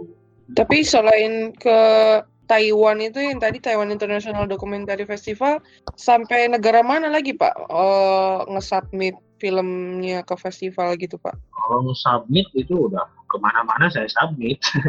Berarti di negara, maksudnya di luar Indonesia banyak juga ya Pak? Maksudnya mas, bisa untuk masukin festival-festival film gitu? Ah, uh, banyak, banyak banget. Oke, oke, oke. Itu biasanya yes. kalau kalau mau jalan pintas, ya kalau film kita bagus, kita mm -hmm. kasih aja ke kurator atau program. Ke mana Pak? Kurator, kurator festival atau programmer festival. Oh, jadi nanti sama dia dikirim lagi ya ke luar atau gimana, Pak? Iya, dikirim ke luar. Nanti biasanya ada jaringan antara sesama kurator atau sesama programmer oh, festival. Iya. Biasanya mereka saling saling minta film gitu. Misalkan ada uh, programmer di Korea misalkan, dia hmm. akan ngontek ke programmer yang orang Indonesia punya film atau enggak punya rekomendasi film untuk dimasukkan di festivalnya atau enggak seperti itu. Oh, begitu juga dengan kita ya Pak ya? Begitu pun juga dengan kita. Oke, siap, siap. Tapi ya PR-nya kan kita harus bikin film yang sesuai dengan selera mereka. Iya, betul betul. Tuh Bung Puyu mau masukin film nggak? Waduh, film apa? apa aja kan tadi kata bapaknya kita memang harus ketika kita menciptakan sebuah karya itu kita ya kita harus berusaha dulu aja. Kita kalau mau bikin film tuh kita wajib mengamati dulu apa yang mau dibuat. Eh iya anjay. Amati lalu tiru. Iya benar benar benar. Ada nggak nih pengen bikin film nggak Bung Puyu? Tertarik untuk masuk ke dunia perfilman. Seru tahu seru-seru gimana gitu? Kalau tertarik sih ya pastinya tertarik. Cuman kan semua tergantung dari mental kitanya. Iya kalau iya kitanya nggak apa nggak keinginan apa nggak sejalan sama keinginan kita ya sama aja bohong gitu. Tapi berarti keinginan lu apa sih? Maksudnya uh, jurusan lu apa sih ininya? Gue lupa deh. Advertising. Oh alah, iya sih. Tapi kan biasanya film juga uh, ini ya Pak, apa namanya membutuhkan iklan nggak sih Pak? Apa sih namanya tuh? Apa namanya? Uh, bukan iklan apa sih? Support apa? Itulah pokoknya. ya balik lagi lah di film kan ada seratusan profesi lebih tuh yang terlibat Iya. Nah, kita mau mau di bidang mana, mau di wilayah mana kita masuk. Semuanya bisa ya. masuk. Advertising bisa masuk juga, Pak. Bisa juga. Kayak mengucilkan oh. gitu. Gak apa-apa lah. Kita bekerja di bidang yang ya cukup dekat lah ya, sama-sama membuat suatu sebuah video mungkin. Benar gitu. Ya lanjut Bung yuk. Apa anda? Kenapa? Ya, saya mau nanya lagi ke bapaknya. Menurut bapak nih, pendapat Bapak ya mengenai situs-situs apa nonton online ilegal Waduh. ini dan apa itu eh, ancaman yang bakal muncul gitu. Akibatnya apa nantinya? Ancaman apa nih? Ya, Wih, serem banget ada ancaman. ya mungkin kayak kalau apa dari penjara lah atau apa karena ini ya situs ilegal kan, kecuali legal. Oh, undang-undangnya Nah, itu ya. Ya. Ya, kalau menurut saya tentang situs-situs ilegal itu sebetulnya ya memang kalau kita dari sisi filmmaker terus film kita masuk di sana ya pasti merasa dirugikan ya kan karena itu keuntungannya bukan untuk si filmmaker tapi untuk yang ngebajak itu itu ya sebetulnya masalah klasik ya kalau dulu zamannya DVD ya banyak juga DVD bajakan film-film kan Iya. Nah, sekarang masuk di era digital ya film-film bajakan sudah muncul juga di bajakan. Tapi ya satu sisi kita butuh juga referensi film-film itu. Ya kalau kita misalkan film-film luar, misalkan kita mencari referensi film-film yang seperti apa, yang tidak semua platform berbayar mempunyai film itu, katakanlah Netflix misalkan. Netflix juga Iya. film-filmnya kan tidak semuanya hanya film-film produksi Netflix dan film-film pilihan yang dibeli oleh Netflix untuk uh, bisa ditonton di Netflix. Tapi banyak juga film-film yang lain yang film-film di bioskop misalkan ya. Lalu filmnya tidak muncul di Indonesia, ada yang dibeli Netflix, ada yang tidak. Nah, terus kita harus cari ke mana film itu. Jadi ya memang dilema juga, dilema satu sisi kita membutuhkan banyak banget referensi film-film dari luar, pengetahuan dari luar. Tapi di satu sisi lain ya platform berbayar yang resmi tidak tidak mengakomodir juga semuanya kan, tidak semuanya. Hmm. Ya ambil positifnya aja lah gitu. Dan pinter-pinter kita aja deh. Iya, ini kalau eh, Bapak tahu film Mulan nggak, Pak? Film Mulan, ya film Mulan. Nah, itu kemarin saya dengar-dengar memang dia, aduh kasihan sih Pak emang sebenarnya nggak jadi tayang di bioskop dan akhirnya ditayangkan di Disney Plus Hotstar itu ya. Dan itu kemarin saya, eh, eh, ya lagi.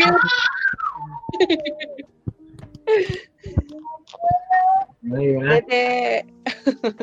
Apa kemarin tuh saya dengar-dengar memang si film Mulan ini ternyata adalah eh, film yang paling film Disney ya, film Disney atau film Disney Princess atau apa gitu. Pokoknya film Disney yang paling banyak dibajak di online gitu, Pak. Jadi karena memang apa ya orang sekarang kan memang nggak ada bioskop dan ditayangin di Disney Hotstar. Dan itu pun berbayar dan itu pun mahal gitu ya. Jadi saya sebenarnya termasuk eh, salah satunya gitu. Jadi kemarin eh apa ya ketika pengen emang mau beli eh, bulanan dengan harga sekian dan ternyata harus eh, jadi saya memang mau berbayar pakai OVO waktu itu. Tapi karena harus bayarnya 200 untuk setahun jadi saya skip. Jadi saya kayak aduh nyari-nyari lah yang mana nih di online ternyata ada gitu ya dikasih linknya sama teman gitu. Jadi ini katanya memang eh, fun fact eh, fun fact aja sih maksudnya si Mulan ini adalah film Disney yang paling banyak dibajak di online dari film-film sebelumnya. Jadi kayak belum ada berapa hari atau berapa minggu mungkin eh, ditayangkan eh diproduksikan maksudnya disebarluaskan gitu ya di Disney Hotstar itu langsung banyak banget di situs-situs online yang ile apa yang ilegal yang kita bisa tonton secara free gitu. Jadi kayaknya mereka aduh rugi juga sih ya. Itu udah productionnya udah besar banget udah bagus udah cerita filmnya juga bagus. Tapi ya itu lagi lah tadi berdampak banget di emang pandemi ini dengan ke semuanya. Halo. Halo adek. adanya adanya kayaknya ikut siaran nih. Iya nih pengen ikut namanya? namanya Kinema. Serius, Kinema? Pak? Iya. Wah, kayaknya bapak punya anak tuh terinspirasi. Yang ini anak keduanya namanya sinematografi, Pak. Umur berapa, Pak? Lucu banget. Eh, mau dua tahun ini Joko jadi bahas anak ya. Cewek cowok pak? Cewek, cewek. Oh cewek, ih lucu dipanggilnya siapa pak? Gini. Cin. Oke, Dede di situ ya Dek. Mana tadi? Oh itu tadi situs online ya.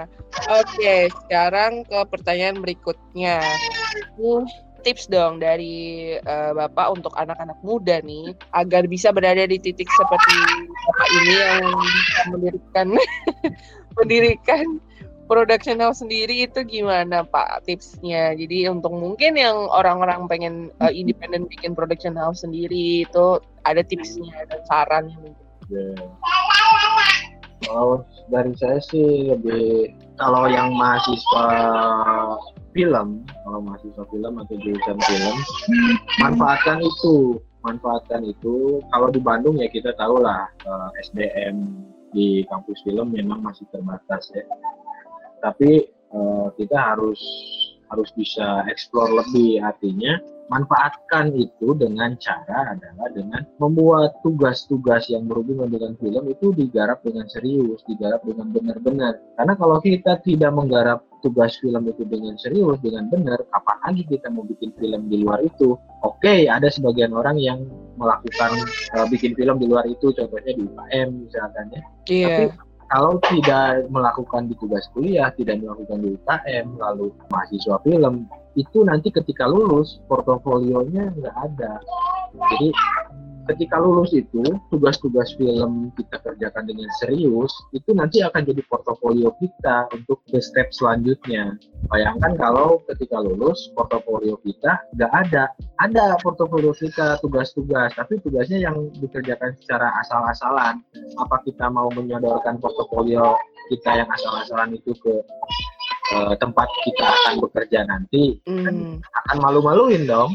Iya. Iya Nah. benar-benar. Yang pertama tugas yang bersangkutan dengan film aja tidak dikerjakan dengan benar, dengan serius, di luar perkuliahan juga tidak buat sesuatu, ya susah gitu. Jadi manfaatkan itu saja sebetulnya. Kalau itu dimanfaatkan dengan baik, saya kira di ketika lulus nanti itu portofolio sudah banyak dan Anda pede untuk memperlihatkan portofolio Anda kepada klien contohnya misalkan atau kepada tempat kerja yang nanti akan Anda tuju. Tapi kalau tidak, ya gimana Anda mau meyakinkan tempat itu kalau saya adalah mahasiswa yang punya keahlian apa? Oke. dengerin makanya jangan males-malesan Waduh. Itu adalah saya, males adalah saya. Gak, gak, gak. Semakin dewasa nih kita emang harus semakin apa ya eh, mengutarakan passion kita tuh apa gitu loh Bung Guyo maksudnya jadi nggak stuck di situ-situ aja iya nah tuh satu lagi nih, satu lagi saya kasih. apa tuh pak Jadi begini, kalau misalkan ada pengajar atau dosen yang biasa-biasa saja di dalam kelas, itu yang memang tuntutannya seperti itu. Kenapa Oke. tuntutannya seperti itu? Ya karena di dalam kelas itu ada banyak orang, iya ada banyak orang sehingga materi yang disampaikannya ya harus merata. Nah, iya di dalam kelas itu ada yang sudah expert atau sudah lebih di atas dari materi, ada yang masih jauh di bawah iya bener banget tidak sulit untuk menyamaratakan atau mengakomodir kemampuan mahasiswa. Nah, sehingga untuk yang memang mempunyai eh, pengetahuan lebih di dalam kelas eh, merasa tidak terwadahi, silahkan buktikan dengan membuat tugas karya filmnya dengan sebagus mungkin sesuai dengan level Anda.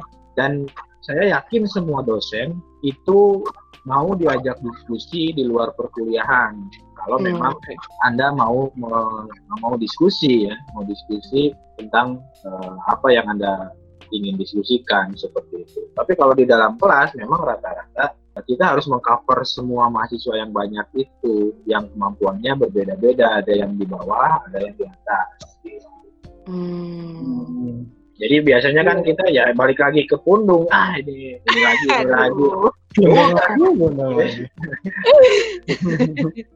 Aduh. Iya, Tapi Harusnya ya hanya Ah, ajar iya. aja.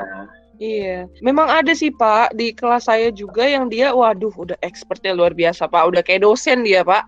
Jadi uh, ketika dosen, malah dosennya nyuruh, uh, tolong ya uh, silakan kamu uh, jelasin tuh ke teman-temannya yang suruh ngajarin gitu. Jadi kayak ada jadi kayak bukan bukan lagi di sekolah SMP atau SMA gitu. Jadi kadang memang ketika kita udah masuk perkuliahan ada aja yang wah gila dia lebih keren daripada kita. Dia dia lebih jago atau lebih mungkin dia pernah ke production house atau gimana. Itu iya itu yang membuat saya pernah pundung sebelumnya. Jadi insecure gitu ya. iya, jadi insecure gitu, pundung kayak ya elah kayak kayaknya karya gue gini-gini aja gitu loh.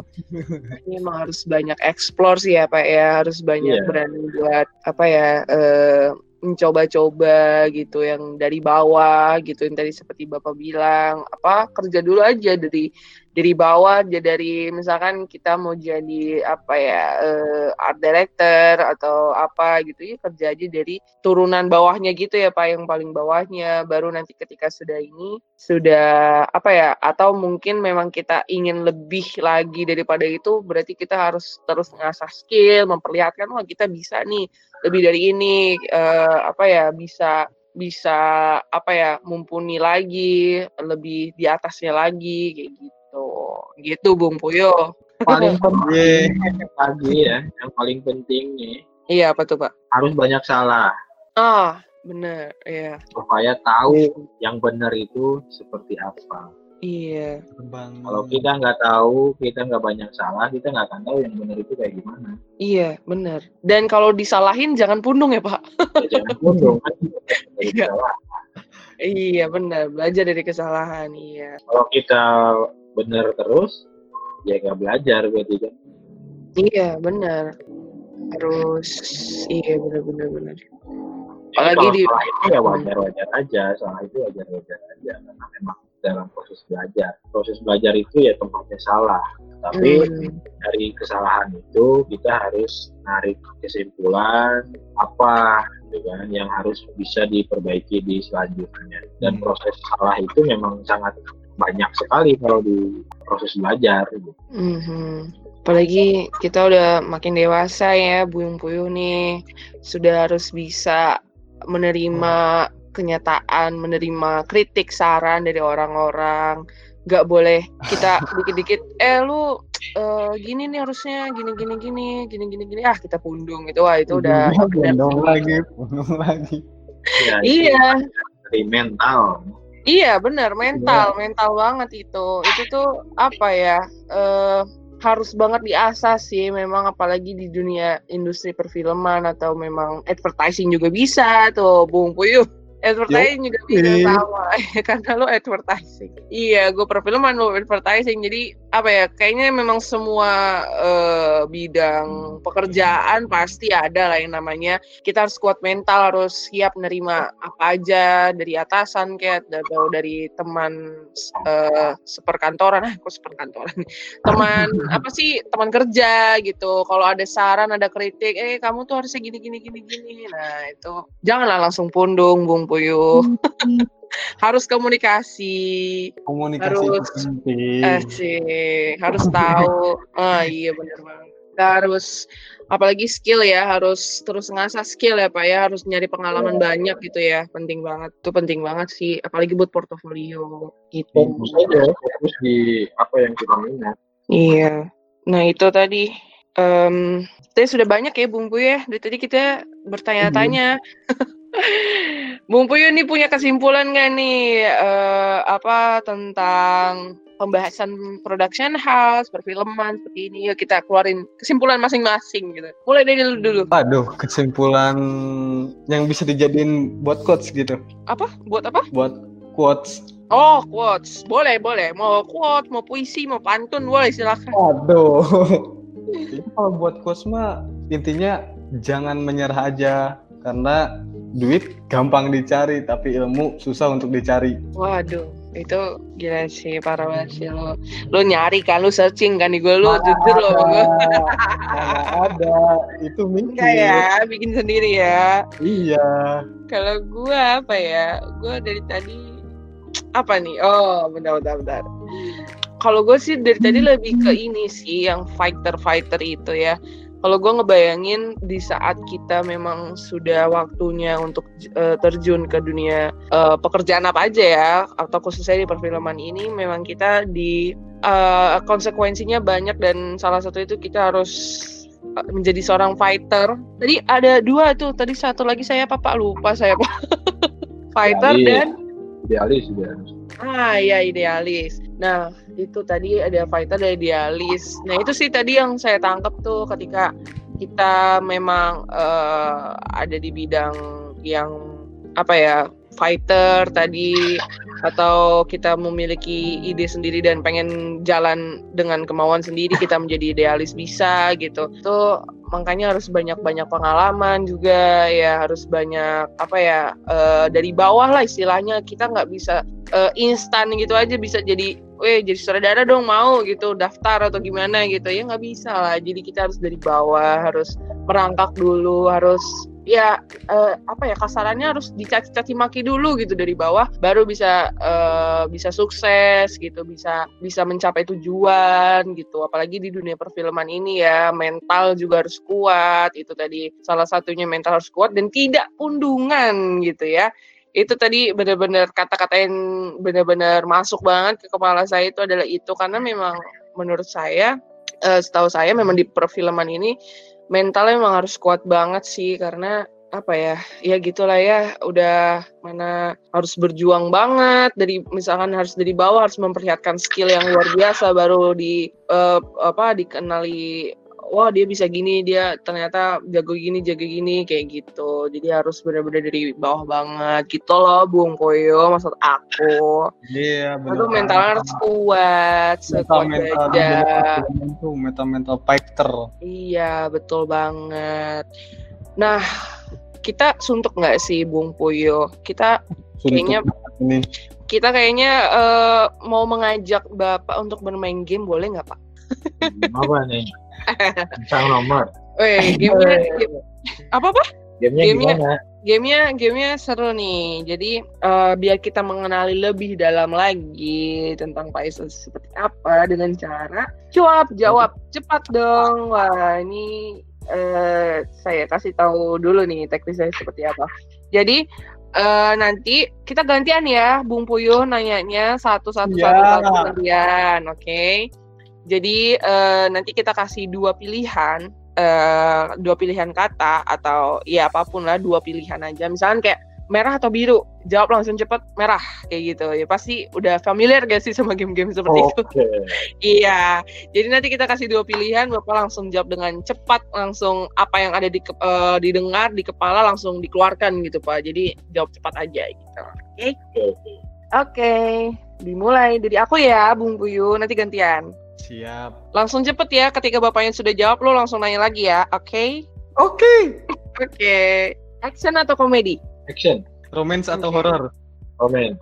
Tan Malaka atau Pramudia Anantatur? Pramudia. Joko Anwar atau Garin Nugroho? Garin. Baca buku atau nonton film? Nonton. Dokumenter atau fiksi? Dokumenter. Cerita yang bagus atau color grading yang bagus? Cerita dong. Oke. Okay. Sutradara atau scriptwriter? Sutradara. Situs nonton online legal atau layar lebar? Layar lebar. Oh, iya. Tema budaya atau ikuti tren? Tema budaya. Bikin hmm. naskah sendiri atau menggarap naskah penulis lain? Naskah sendiri. Berhalangan melanjutkan proses produksi film atau berhalangan hadir di kampus? Wah. Wah. Gimana, gimana itu? Gimana? Berhalangan melanjutkan profesi produksi film atau proses, berhalangan proses, hadir di kampus? Proses produksi film atau hmm. berhalangan hadir di kampus? Berhalangan hadir di kampus. Oke. Okay. Iya, baik baik. Proses atau hasil akhir? Proses.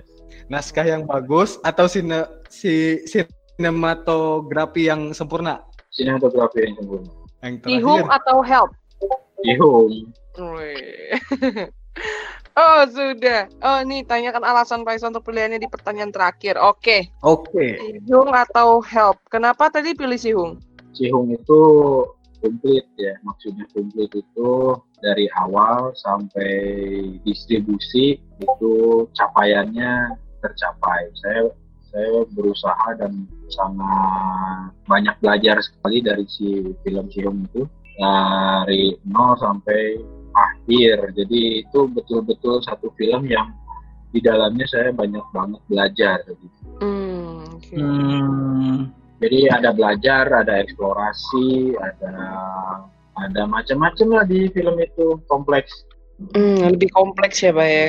Ah, lebih kompleks dan lebih lebih dapet aja gitu karena eh, film saya yang betul-betul bisa sampai eh, Titik akhir. di bukan titik akhir ini masih koma sih.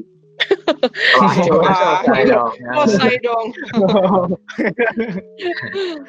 Tapi itu itu penutup yang oke di festival karena ya karena saya masih belajar juga cara distribusi film seperti apa. Tapi di film Cirung ini kebetulan eh, film ini dibuka di Armenia. Jadi world premiere-nya itu di Armenia dan Oh, Armenia. eh, Iya, iya, iya, iya, tahu, tahu. festival terakhirnya di Taiwan. Wow, keren banget, keren, keren. Nah, Iya. di Taiwan juga dapat penghargaan yang eh, ya lumayan gitu dapat penghargaan di festival itu. Hmm. Wah, kita appreciate sekali tepuk tangan dulu dong. Pung Puyuh. Nanti nanti editornya tolong ya kasih back sound tepuk tangan ya. Oke, ternyata sudah jam 21.39 ya, sudah sudah malam. Enggak malam sih, ini ntar juga pasti begadang kan lo Bung Puyuh. Pastinya karena tugas selalu melanda. Tugas ya. Oke, sepertinya cukup eh, sampai di sini ya Bapak Esa. Terima kasih Iya. banget Kak, sumpah ini banyak banget eh, ilmu yang kita dapatkan. Benar-benar banyak banget, banyak banget. Terima kasih. Ya, banget. biasanya memang kalau seperti ini ilmunya banyak didapat, tapi kalau kuliah biasanya nggak dapat apa-apa. Nah, betul banget Pak, Nah. benar. Benar. materinya sama aja sih. iya bener pak saya waktu itu eh, iya dapat bapak. Tapi enggak sih dapat juga. Cuman memang baru ini saya benar-benar kayak dapat ilmunya tuh banyak banget gitu pak. Daripada di kelas waktu di kelas sinematografi. Jadi kan kalau di kelas kan cuma terbatas dan kayaknya mau nanya juga gimana gitu. Mau nanya tapi malu atau gimana gitu. Tapi kalau di sini kayak lebih terbuka gitu lebih enak ngomong. Enjoy banget. Iya, makasih banyak ya Pak. Maaf banget nih sudah mengganggu waktu Iya. malam Sabtunya. Mungkin ingin bersama anak bermain tadi. Anaknya bersama manggil-manggil. Oke deh, Eh, sukses terus ya Pak untuk kota sinemanya. Semoga production house-nya lancar. Nanti selesai pandemi Semoga. bisa bisa produksi film lagi yang gabung Puyo. Benar banget. Biar berjaya sampai mengudara. Iya, eh, mudah-mudahan sampai iya jenis Hollywood Hollywood eh mau nggak pak? Pernah nggak sih pak kepikiran pengen Hollywood gitu pak? Ya, saya nanti duet sama Lee Jeng. Ah, waduh lebih PJ. bisa bisa bisa pak. Ya mudah-mudahan lebih lah ya dari lebih PJ, lebih dari eh, banyak lah ya. Mudah-mudahan memang, memang sukses terus ya Pak ya. Kota sinema ini menjadi production house yang berkualitas ya Pak ya berkualitas dalam semua hal dalam sisi konten dan teknis dan segala macam seperti yang tadi Bapak sudah eh, apa beritahu pada kita. Oke, sampai di sini di penghujung eh, podcast kita ya Bung Puyuh ya dengan Bapak Esari Iya. Akbar. Oke, ini kita eh, penutupannya stay tune terus atau gimana gitu? Enggak, enggak usah. Oke, Langsung. ya udah. eh eh, terima kasih banyak ya Pak sekali lagi eh, kasih udah ya, Pak, ya. Ya, ya, Ya, udah hadir dan menyempatkan. waktu. Iya, sudah menyempatkan waktunya untuk kita wawancara di podcast ini. Nanti nanti didengerin ya Pak, nanti di di share-share ya Pak podcastnya dari Cuap. Oke, siap. Oke, Bapak. Terima kasih banyak ya Pak. Lala, Lala. Iya? Cop, cop, cop, cop Imagi. Oh, cop-copin lagi. Gimana? Waduh, siapa nih muncul Safira? gimana gimana? Iya, suruh cop, cop Imagi Your Funky Podcast. Oke. Oh, kita bareng-bareng Pak penutupannya Pak. Gimana, Jadi gimana? jadi ketika kita bilang cop cop imagi, Cop, cop, nanti Imagi. kita eh, Bapak ngomong Your Jawabnya. Funky Podcast. Oke. Oke, siap ya Pak ya? Ayo, Bung Kuyo. Satu, dua, tiga. Cuap-cuap Imagi. Imagi. Your Funky. Funky.